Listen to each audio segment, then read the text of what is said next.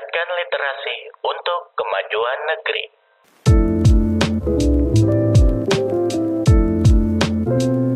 Halo guys, teman-teman SR semuanya. Selamat datang kembali di podcast Tematel Reader. Gimana nih Re, pada para readers nih ya? Masih udah pasti udah lama nggak dengar podcast kita ya. Oke, di sini kita eh, bakal ngobrol bertiga. Eh, ujung acara ya sampai ujung podcast ini. Seperti biasa nama gua Lokananta dan Nama saya Muhammad Fauzil Adim.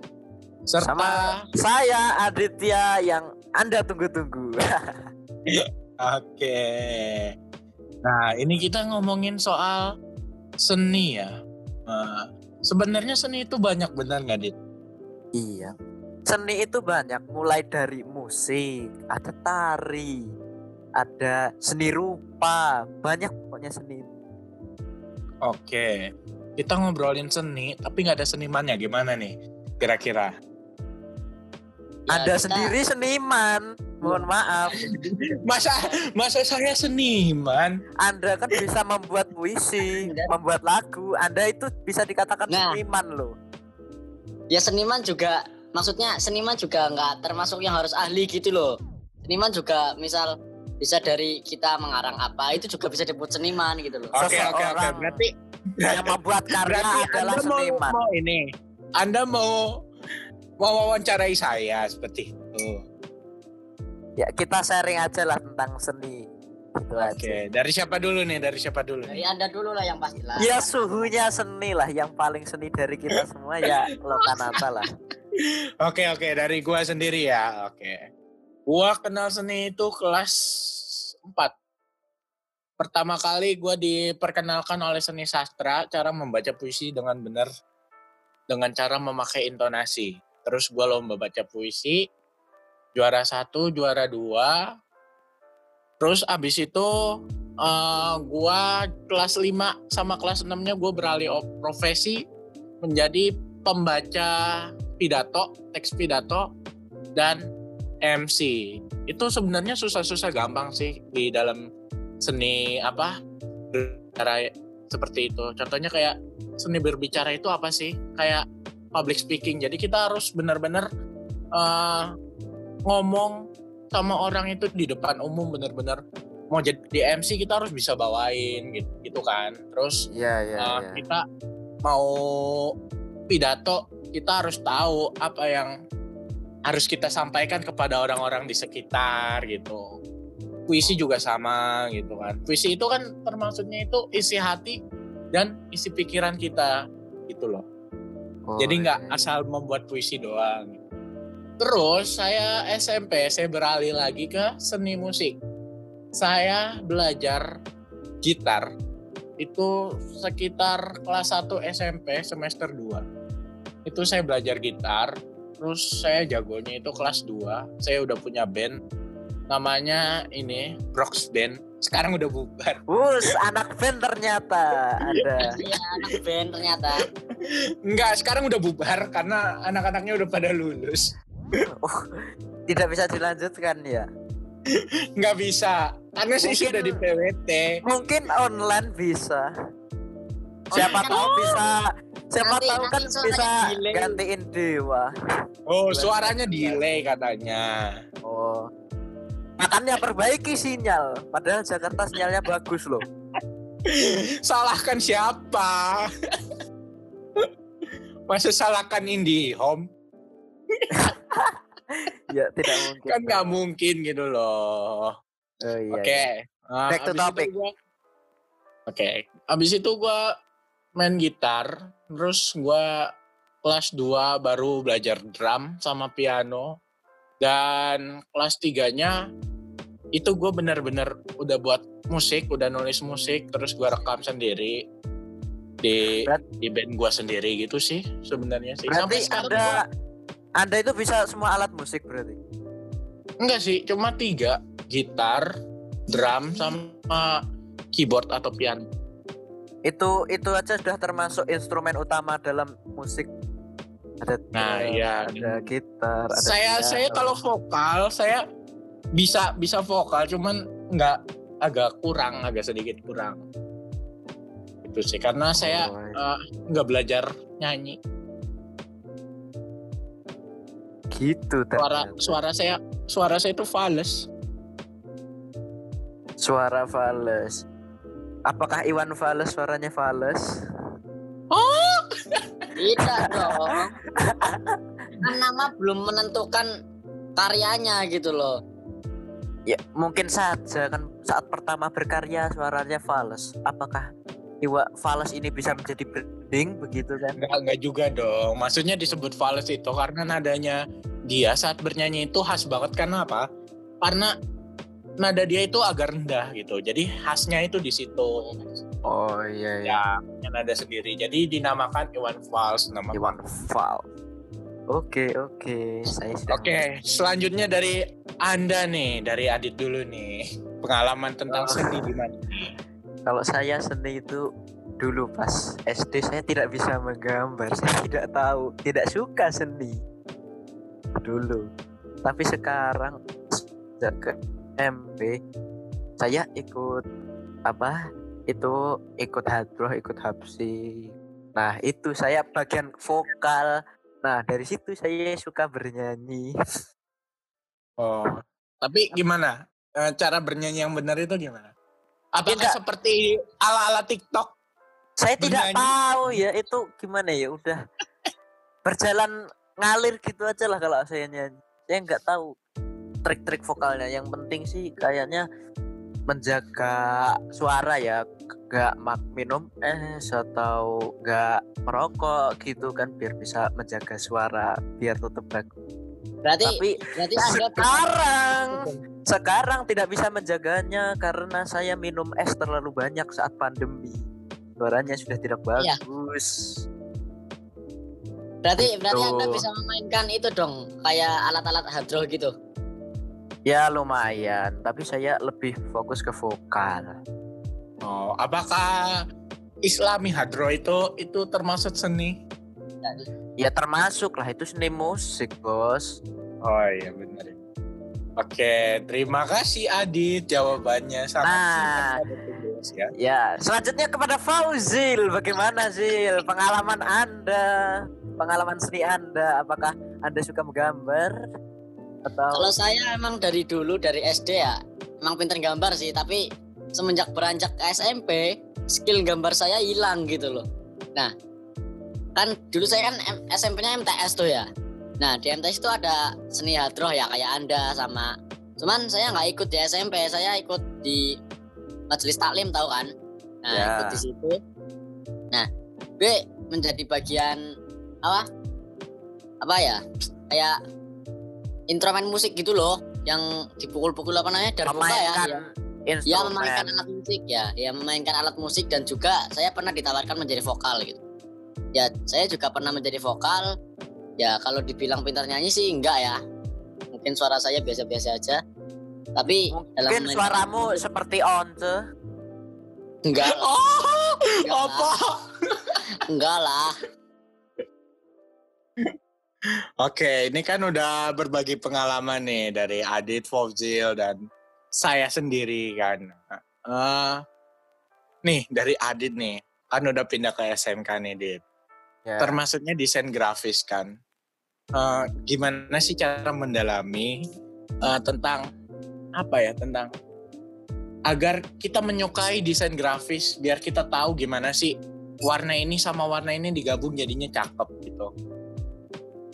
Kalau untuk desain grafis sendiri, saya ada pengalaman sebelum di SMK ini kan dulu apa itu ngebantuin kakak saya kan desain dekal. Ya saya ya lumayan tahu lah apa di warna, di coloring atau di mana-mananya lumayan tahu lah.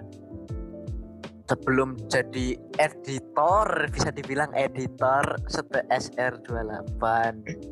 Curhat ya, Gitu. curhat. Iya, tapi juga kadang kalau kita terpaksa itu kita juga bisa belajar. Saya- Anda Jadi editor itu belajar. karena terpaksa loh. tapi alhamdulillah kalau ditekuni kalau ditenani dilakukan dengan ikhlas pasti bisa. Berarti Anda itu terlalu jujur mengedit sebuah podcast Stemate Readers dari episode 1 sampai sekarang gini ya.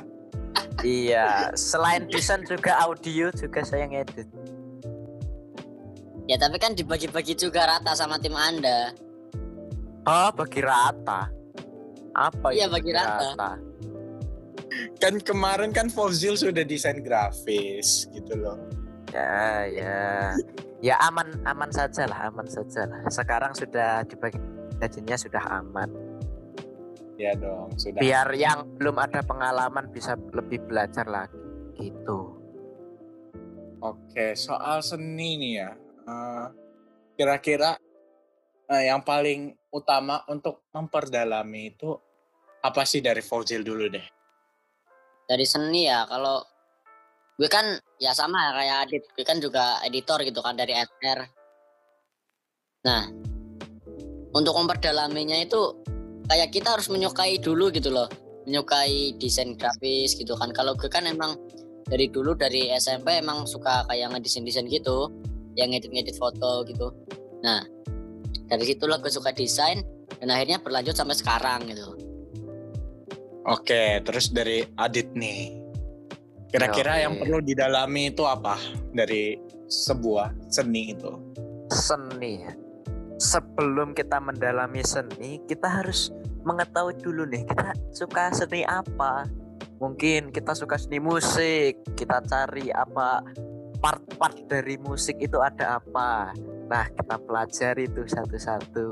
Itu kalau buat saya sendiri kan sekarang lagi menekuni desain grafis. Nah ya saya belajar kan belajar lebih mendalami tentang coloring apa layout atau apa itu. Itu sama Oke. kayak fosil tadi ya kita harus menyukai dulu bidang yang kita ampu. Begitu. Kalau kita tidak suka tidak mungkin dong kita bisa seperti sekarang. Saya juga suka ini karena terpaksa. Terlalu jujur gitu ya. jujur lebih baik boy. Iya, iya. Saya nggak ditanyain nggak usah ya. oh iya ya sekalian lah sekalian anda gimana Iya, nah. Oke, Anda apa sih yang gimana? harus didalami dari seni itu menurut saya sendiri ya? Eh, pertama, saya kan suka banget sama musik ya. Yang pertama itu gimana sih cara kita belajar lebih dari apa ya? Menulis sebuah nada dan menulis sebuah lirik agar lirik itu tersentuh sama orang-orang gitu loh. Jadi misalnya eh kita mempunyai sebuah lagu baru gitu kan. Kita mempunyai sebuah lagu baru terus eh, tiba-tiba eh, orang orang-orang itu suka pasti kita kayak memuaskan hati kita sendiri gitu loh. Jadi kayak wah kayak wah dia suka wah ini suka itu suka gitu sih. Jadi kalau misalnya karya kita disukai seseorang itu kayak kita benar-benar puas kayak apa ya kayak kita membentuk sesuatu tapi disukai orang gitu sih menurut saya sih. Jadi memperdalami seni itu yang paling utama itu adalah bagaimana orang itu menikmati karya kita terus bagaimana orang tersebut bisa apa ya bisa menerima karya kita eh, bisa senang sama karya kita. Oh bagus nih. Inilah indah lah itu benar-benar yang sebuah apa ya? Sebuah hadiah gitu sih kalau menurut saya. Kayak saya dikasih mobil Alphard gitu udah bawa bawa suka gitu sih. Oh, berarti Anda dalam membuat suatu karya itu pasti punya strategi-strategi atau cara-cara gitu dong buat biar karya kita itu bisa didengar, biar semua orang itu kayak wah gitu sama karyamu. Gitu gimana loh? Nah, untuk penargetan sendiri ya, soal seni itu sebenarnya mudah sih. Yang tidak mudah itu cara membuatnya. Pertama, untuk menargetkan bagaimana orang itu bisa suka atau enggak, kita mencari sebuah karya yang berbeda. Contohnya misalnya eh, kayak Pidi Baik. Pidi Baik udah buat cerita Dilan. Temanya anak sekolah. Terus terus tiba-tiba kita buat lagi namanya apa gitu namanya eh Cindy gitu kan. Terus mm, temanya apa? Temanya juga anak sekolah terus berantem beranteman cinta cintaan gitu. Itu kan sama aja kayak kita mencuri sebuah karya seseorang tapi eh, tanpa kita sadari gitu. Ah, jadi kayak mengcopy tapi tanpa kita sadari. Walaupun penulisnya itu nggak menegur kita cuman kita harus benar-benar apa ya benar-benar ah, ah, jadi yakin sama karya kita jadi kita harus buat yang berbeda misalnya anak sekolah dibalik atau enggak Kayak- gini Cidul itu kan dulu apa anak sekolahan tapi dengan eh, budaya-budaya kolot gitu loh. Budaya Nah, lama gitu. gitu. ya benar-benar jadi apa ya kalau kita bilang ya jadi kayak kita membuat sebuah karya yang berbeda yang belum pernah dibuat oleh orang lain gitu sih menurut saya sih target Oh, berarti biar lebih orang lebih interest mau ngelihat karya kita. Apa sih yang Ya. membedakan karya kita dengan karya orang lain gitu kan, Mas? Ah, ah, jadi bikin orang itu jadi penasaran kayak apa sih ini apa sih ini jadi pengen lihat terus pengen suka gitu jadi membuat karya kita membuat karya itu membuat orang penasaran juga jadi orang penasaran terus ditengok suka itu menurut kita kita udah senang sebagai seniman sih. Nah, kan Anda ini termasuk gimana ya? Termasuk seniman lah. Pasti punya lah seorang eh, bisa dibilang idola gitu loh. Mungkin Alok idolanya siapa? Oh idola saya jadul-jadul semua. idola saya jadul-jadul semua. Ya tidak apa-apa, di-share saja lah. Oke oke oke. Biar teman-teman yang zaman now tahu gitu loh. Ya, generasi zaman now ya, milenial, generasi Z mungkin udah tahu kali ya. Eh, gimana ya, kayak pertama soal musik ya. Saya inspirasi musik itu dari Bapak bangsa kita Wage Rudolf Supratman, Bapak musik. Bapak musik. Oh, nice. Itu eh, itu saya benar-benar terinspirasi dari dia. Bagaimana sih cara dia itu bisa membuat eh, sebuah lagu yang bisa dikenal banyak orang kayak Indonesia Raya sampai sekarang dijadikan sebagai setiap Senin ya malah kita nyanyikan lagu Iya, Indonesia iya Raya. benar-benar. Jadi lagu kebangsaan ya. Iya sih, saya bangganya itu kenapa ya? Bangganya itu kayak dia bisa menciptakan lagu, tapi lagu itu ditentang sama penjajah gitu loh. Jadi kayak nggak boleh dinyanyikan gitu loh. Tapi dia nekat buat nyebar, ngerti nggak? Buat nyebar lagu itu dia nekat gitu sih. Ya dulu katanya pakai instrumen ya. Kan apa? Pakai apa itu namanya? Biola ya kayaknya. lupa saya. pakai biola. Jadi eh, pertama kali saya sedikit sejarah ya. Uh, W.R. Supratman itu pertama kali memutarkan lagu Indonesia Raya di depan Belanda itu menggunakan biola doang, instrumen doang, tapi nggak dinyanyikan. Karena oleh pemerintah Belanda itu nggak boleh. Itu sih. Nah selain Rudolf Supratman nih siapa lagi sih inspirasi lo kamu? Untuk penulis ya, untuk Ya. penulis sendiri eh, itu saya ada Wiji Tukul, terus Kairil Anwar, sama Pidi Baik. Wis, Ada tiga orang. bagus sekali ternyata ada yang dari zaman dahulu sekali, zaman Iya, milenial sampai zaman sekarang pun ada. Kalau yang zaman penjajahan Belanda bisa dibilang Kairil Anwar. Ya, Terus kalau yang zamannya reformasi ya. bisa dibilang Wiji Tukul. Terus kalau zaman milenial sekarang kan Pidi Baik. Sih saya. Yo, i. Kalau Fauzil, gimana Zil? Siapa idolamu?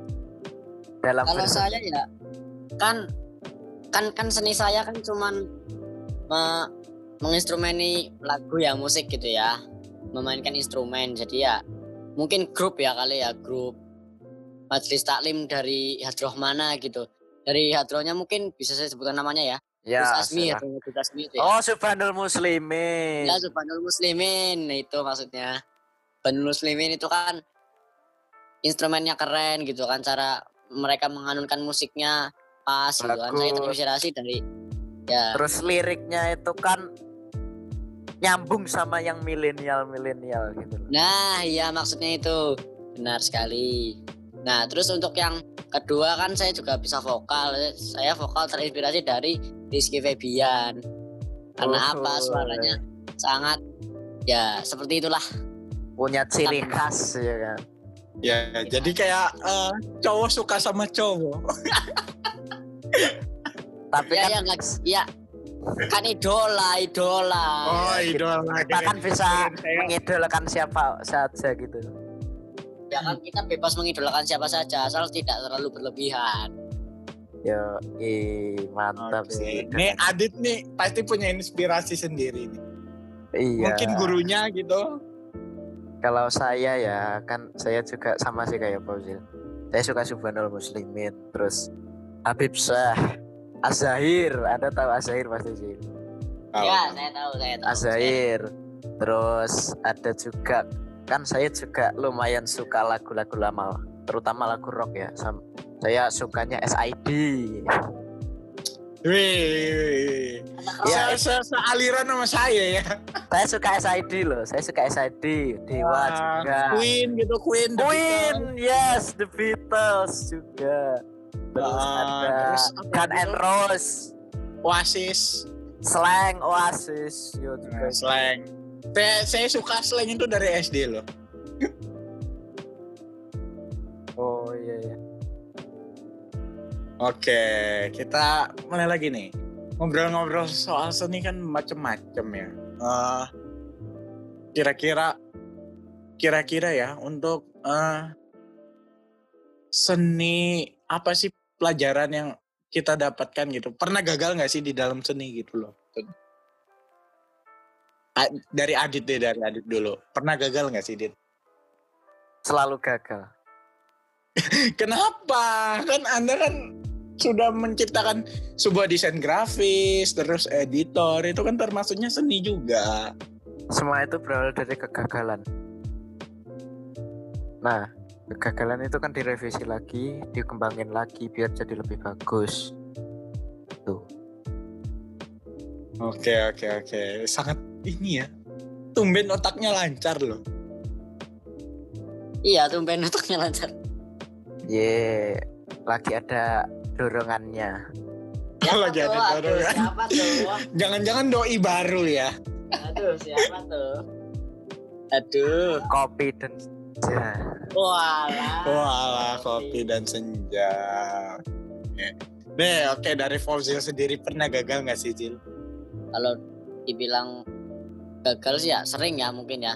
Karena di mana ada di mana ada usaha itu pasti ada kegagalan gitu loh. Dan kita harus bangkit dari kegagalan tersebut. Raihlah semua apa yang kau inginkan gitu. Terus intinya terus berusaha aja lah gitu. Ya karena kita pasti gagal gitu. Nggak mungkin kita langsung sukses ke atas itu nggak mungkin. Ya kita bakal mengalami kegagalan duluan. Ya itu sih. Oke. Saya kalau saya nggak usah ditanya ya. Ya Anda Anda juga ditanya. Ya. Anda Anda juga tanya dong apa Kan dong? Anda sepertinya lebih berpengalaman dari kita berdua. Enggak, saya, saya, saya cuma dari 4 SD kenal seni. Anda sepertinya tidak pernah gagal Anda ya. Enggak pernah kok pernah. Ah, seorang seniman yang sukses itu pasti pernah gagal. Karena saya juga pernah ah, membuat satu buku, buku novel. Bukan copyright sih, kayak apa ya? Jadi saya membuat satu cerita gitu kan. Terus habis novel itu terbit, itu agak sepi gitu kayak. Jadi saya kayak introspeksi diri kayak apakah pembaca itu apa ya kayak nggak senang sama cerita saya gitu. Apa sih yang salah gitu. Terus sampai saya baca lagi, saya baca lagi terus novelnya apa yang salah, apa yang salah. Terus saya ubah. Terus akhirnya saya remove lagi dan uh, tetap gagal. Akhirnya di situ saya pernah putus asa sendiri karena buku saya sepi, biasanya rame kan. Nggak tahu kenapa ya, tapi uh, namanya juga manusia pasti kayak ah udahlah kalau Iya. udah gagal ya udahlah buat apa lagi gitu kan ya walaupun bukunya salah satu novel saya itu agak sepi ya tetap sih saya tetap nulis sih tetap nerbitin Nah iya, terus berkarya walaupun ada hadangan di depan, walaupun banyak halangan. Mantap. saya saya saya boleh boleh promosi nggak Iya, sekalian lah silahkan. Mungkin Oke, para yang- pendengar-pendengar podcast suka membaca mungkin. ya mungkin yang suka membaca ya eh, bisa eh, dengar eh, eh bisa dengar kan bisa baca Wattpad saya Rantau Day Life itu ada tiga buku puisi yang udah saya terbitin terus ada dua novel yang udah saya terbitin bisa dibaca Mantap. dan lupa kasih ide kritik sarannya Ya, biar karena itu juga tahu. penting bagi para para pelaku seni ya. Suatu Iya, bener kritik dan saran. Buat iya bener. inspirasi juga sih buat inspirasi juga kan ke depannya bakal kayak apa Kalau tidak ada pembaca, tidak ada yang melihat seni kita, itu juga sama saja. Seninya dipendam saja. Tidak Iya, ada apa-apanya. Pendam saja nggak ada apa-apanya ya bener jujur aja ya apa ya gue kalau buat puisi itu ya itu kalau gue lagi galau demi puisi gue tuh galau-galau semua anjir beneran dah Gimana? Kita berkarya itu saat tergantung suasana hati, bro.